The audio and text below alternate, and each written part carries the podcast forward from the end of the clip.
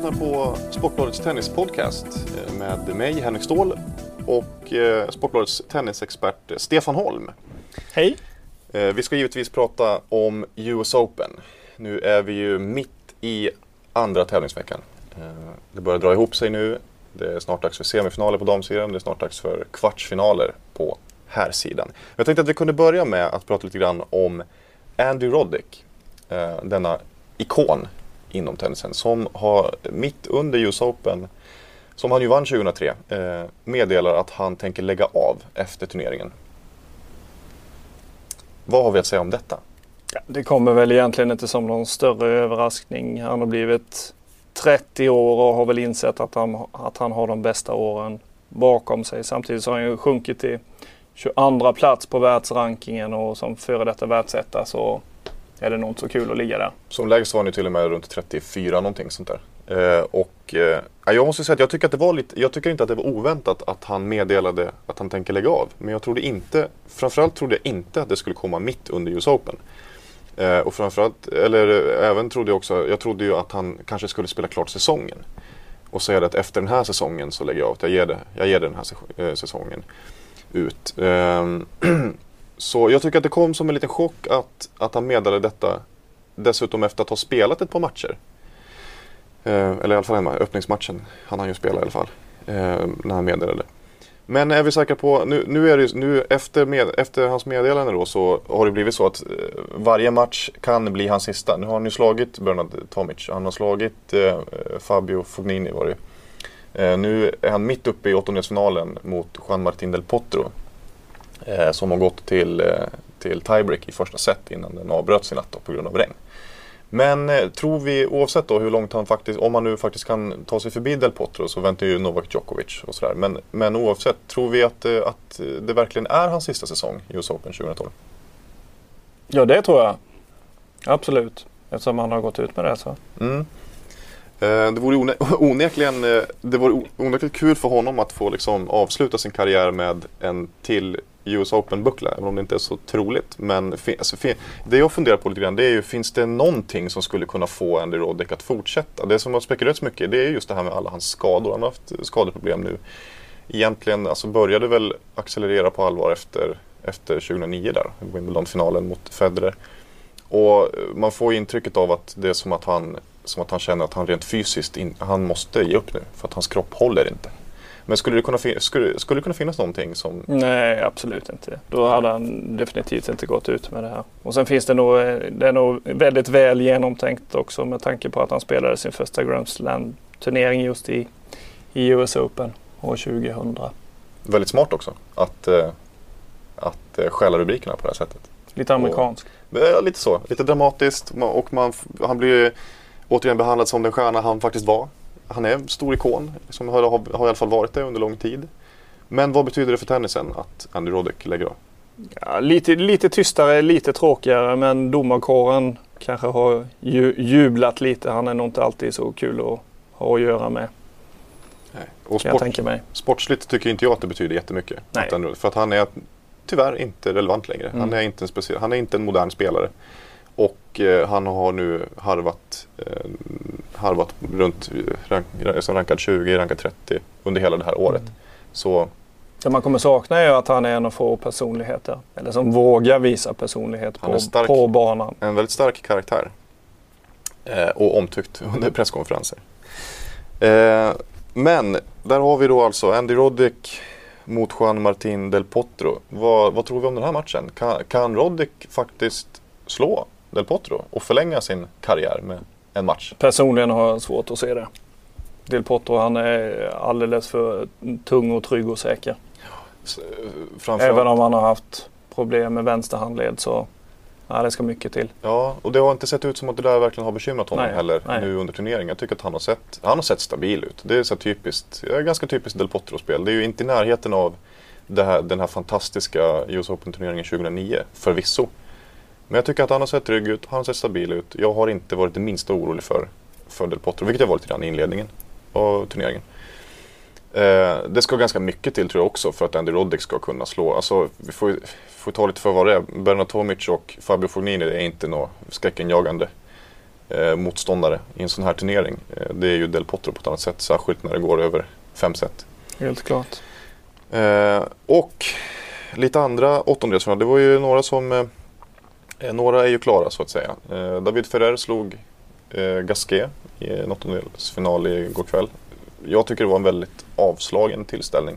Kan ju ha lite att göra med att jag, en av turneringens absolut bästa matcher gick samtidigt. Nämligen den mellan regerande mästaren eh, Samantha Stosher och världsettan Victoria Azarenka som var riktigt underhållande. Och där tycker jag att matchen mellan Ferrer och Gasquet var som en tebjudning på den brittiska landsbygden i jämförelse. Ja, det var ett riktigt drama.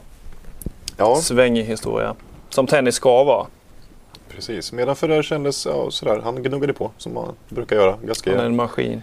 han är lite av en maskin. Det ska bli intressant faktiskt att se vad, vad han kan ställa till med. Nu möter han ju antingen Janko Tipsarevic eller Filip Kohlschreiber som slog John Isner i en femsetare, vände underläget 2-1. Tyckte han såg bra ut. Jag tyckte han, eh, han, hade, han spelade smart mot Isner. Han spelar lite grann sådär som jag tycker att Federer gör. Väldigt avvaktande, lugnt och tryggt, vänta på de här lägena, stabil serve. Nu är Kohlschreiber inte i närheten av Federers kapacitet, framförallt inte den mentala biten och sådär. Ehm, och kan svaja lite grann också. Men eh, jag tror, nu, nu inledde ju Tipsarevic eh, eh åttondelen där mot Kohlschreiber väldigt bra. Ledde med 5-2 i första set innan det avbröts. Så att jag tror att det ska väl ganska mycket till för att Kohlschreiber ska kunna slå Tipsarevic eh, när han är på gott humör, så att säga, på gott spelhumör, vilket han ju onekligen verkar vara. Sen har vi ju då den hetaste eh, kvartsfinalen, den är ju redan eh, inte färdigspelad men den är klar i alla fall, vilka den, som spelas mot. Och det, blir, det är ju då Thomas Berdych mot, eh, mot Roger Federer då. Eh, anledningen till att jag tycker att den är intressant det är ju för att eh, Marty Fish lämnade ju walkover från åttondelsfinalen. Vilket innebär att Federer missade, Eh, eller, ja, gå, gå, lite miste om, om eh, matchtempo, lite, lite matchrytm, lite matchpuls. Eh, och Berdych har ju inte imponerat tycker jag. Men han har ju, liksom, han har ju gnuggat sig fram. Eh, och egentligen varit, alltså, till exempel mot Sam Querrey så var han ju riktigt illa ute. Men lyckades vända den skutan. Så fort marginalerna inte längre var på Querys sida och Querrey började eh, göra misstag så, så var han precis så stabil som det krävdes. Helt enkelt. Eh, Han är ju otroligt bra i sina bästa stunder, Berdych. Då kan han ju slå vem som helst och det har han ju bevisat också. Inte Ja. minst mot Federer. Ja, för bara två år sedan. I Wimbledon, kvartsfinalen där. Eh, det står väl till och med 3-3 inbördes möten mellan dem eh, de senaste sex mötena. Och två av de tre vinsterna som Berdych har tagit då har ju faktiskt varit på hardcourt i Nordamerika. Så att han själv är ju väldigt eh, självsäker och ser fram emot den här matchen mot Federer. Jag tror, att han, jag tror att det ska väldigt, väldigt mycket till för att Federer ska torska den här matchen. Oh ja. Eh, Federer är ju inte en spelare som, som påverkas jättemycket av att han missar lite eh, alltså att, att han missar en match på grund av walkover. Liksom. Utan han, han är så trygg i sig själv. Han kommer ju att träna nu istället och sen kommer han att gå ut precis lika pigg och fräsch. Han har ju sett otroligt stark ut. Ursäkta att jag använder ordet otroligt nu igen men den här gången är det helt legitimt. Eh, väldigt, väldigt stark. Eh, Jag har ju faktiskt svårt också att se att Andy Murray ska kunna rubba honom i en semifinal. En eventuell semifinal. Vad tror du om en eventuell semifinal mellan Federer och Ja, Murray? jag tror det känns... Jag tror att Federer vinner men jag tror att det kan gå till fem i alla fall. Absolut. Och den som vinner där vinner hela turneringen. Som vi har sagt tidigare. Precis, och det är mycket möjligt. Murray har ju, som, som han brukar göra, svajat lite grann. Sett lite omotiverad ut. Jag har aldrig varit orolig för Murray under, eller jag har inte varit orolig för Murray under den här US Open. För att han har ju, han är ju sådär. Han går runt och ser ut som att han krampar hela tiden. Det ser ut som att han är småskadad hela tiden. Spelar lite halvkackigt men så liksom eh, blixtrar han till när det gäller och så tar han sig förbi de här, de här skitmatcherna. Förmodligen så tycker han ju att de här matcherna är skittråkiga. Jag skulle kunna tippa på det, att han tycker de här är skittråkiga. Han vill inte spela på dagen, det märker man ju också. De matcher han har spelat på dagen, där är han ju liksom han tycker att det är för soligt. Jag vet, lite gnällspik sådär. han vill spela på kvällen helst. Han vill stå i centrum kanske. Kanske. Så, jag försöker inte insinuera på något sätt att Andy Murray är en skitstövel. Men du hävdar att bleka skottar inte gillar sol? Precis, vi kan, vi, vi, ja så kan vi säga. Nej, men eh, han, jag tycker han kan ju se väldigt omotiverad ut ibland. Och man kan ju nästan få för sig att han lider av någonting, någon skada eller, eller sådär. Men det är ju så, det är så han är som spelare. Va? Och jag jo, men sen, sen, samtidigt, jag menar han drog sig ur, han har ju haft en knäskada och drog sig därför ur eh, Masters-turneringen i Toronto. Så. Mm.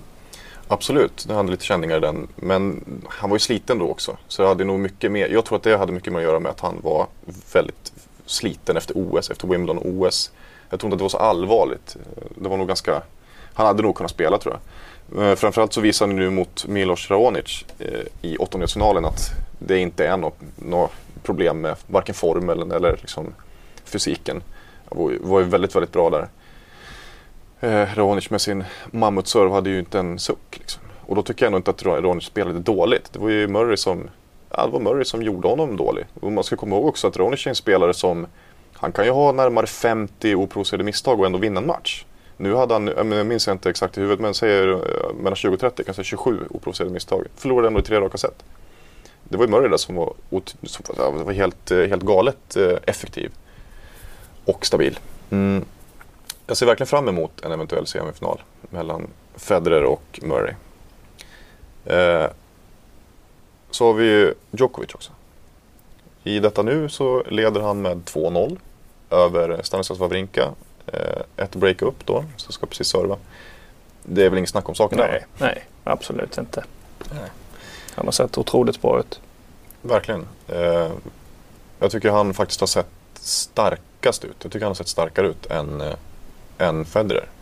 Särskilt med på att han, jag tycker att han ser så, så fokuserad och motiverad ut. Vilket han ibland, eller ofta så gör han ju inte det så här i inledningen. Du vet, han, det är som att han, eh, han är så, all, hans tankar är på semifinaler och finaler så att han eh, orkar liksom inte riktigt bry sig om de här skitmatcherna om man säger så.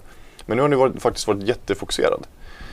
Eh, så jag tror faktiskt att det kan, det kan ju faktiskt bli eh, turneringens match. En mellan Del Potro och Djokovic. En mellan Roddick och Djokovic, den, den kan ju bli kul bara för Roddicks skull så att säga.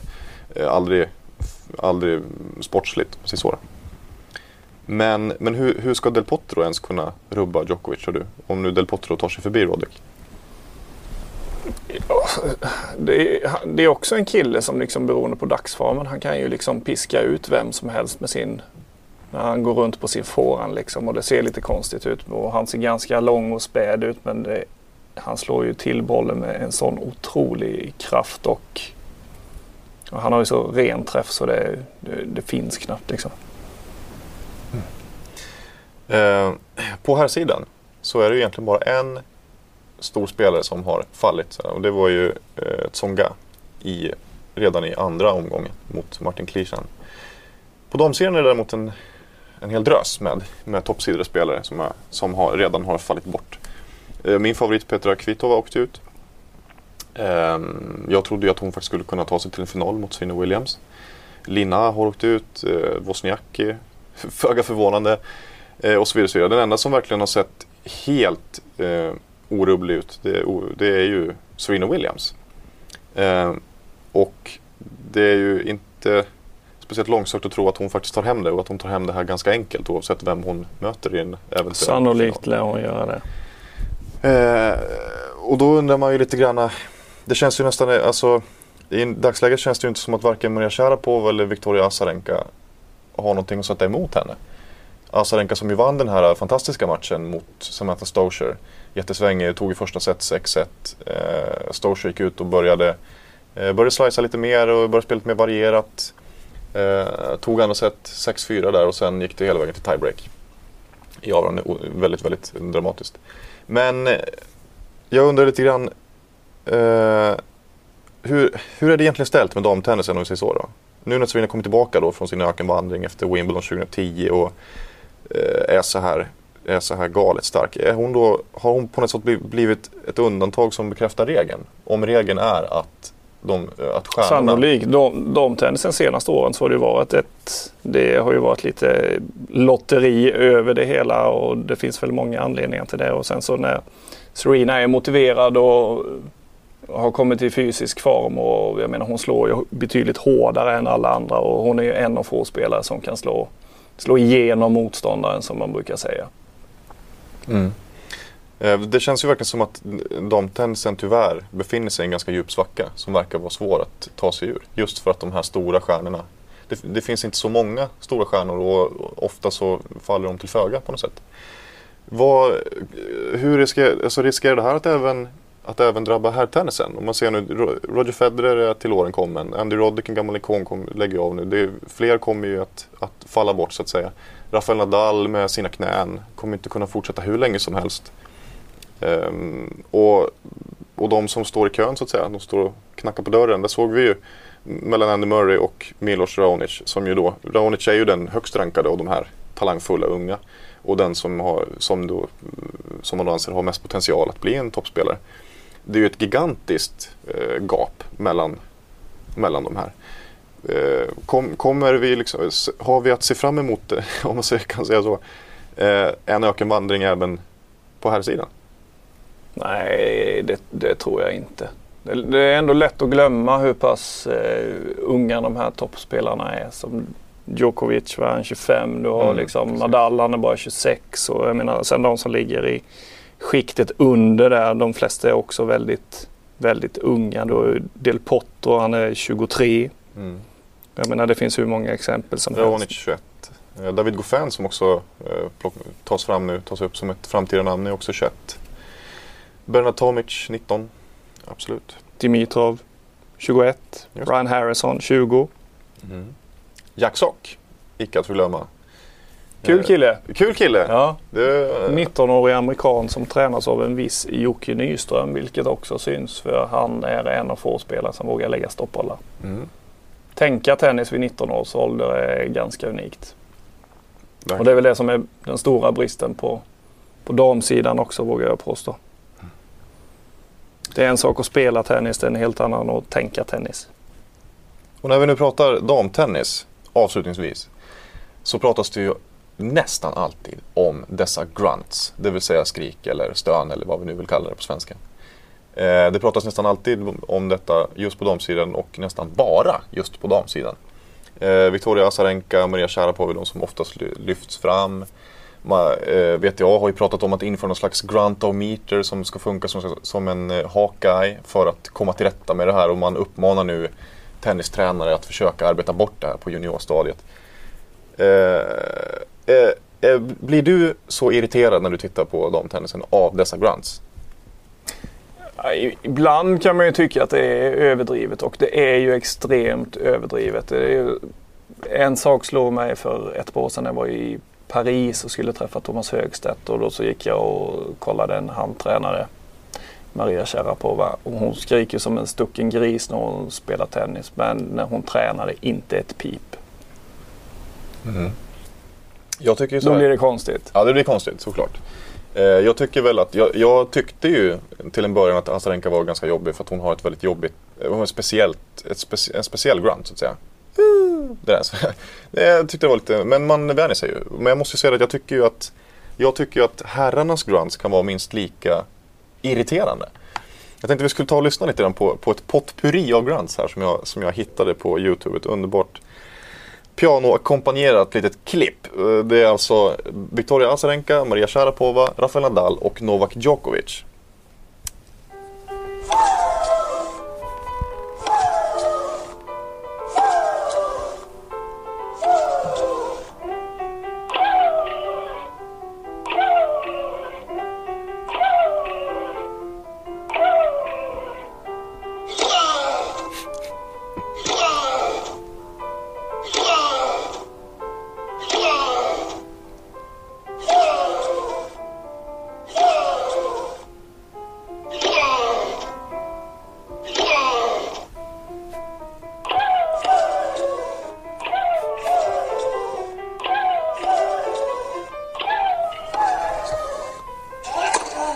Där kom Djokovic då.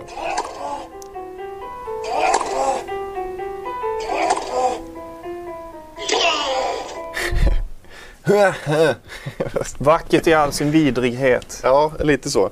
Eh, är det inte lite överdrivet att eh, hela tiden klaga på, på just damernas grunts? Är inte herrarnas precis lika jobbiga? Jo, visst är det så. Men jag menar det är, det är ju upp till, till domarna att stävja det här. För jag menar, har du en spelare som, som blir påverkad eller störd av att motståndaren för massa läten så är det bara att säga till domaren så får han ta tag i saken. Det händer ju alldeles för sällan så jag menar det är mycket upp till spelarna också. Det är bara att gå fram till domarstolen. Absolut. Sådär. Men jag saknar en Lache de Brito i den här låten. Ja. ja, det, finns några, det finns väl några till. Men jag saknar lite David Ferrer också. Mm. lite un, underskattad vad gäller grunts måste jag säga. Andy Murray har ju också trevliga inom citationstecken. Och med det eh, rundar vi av den här podcastsändningen. Du har alltså lyssnat på Sportbladets eh, tennispodcast med mig Henrik Ståhl och eh, Stefan Holm. På återseende.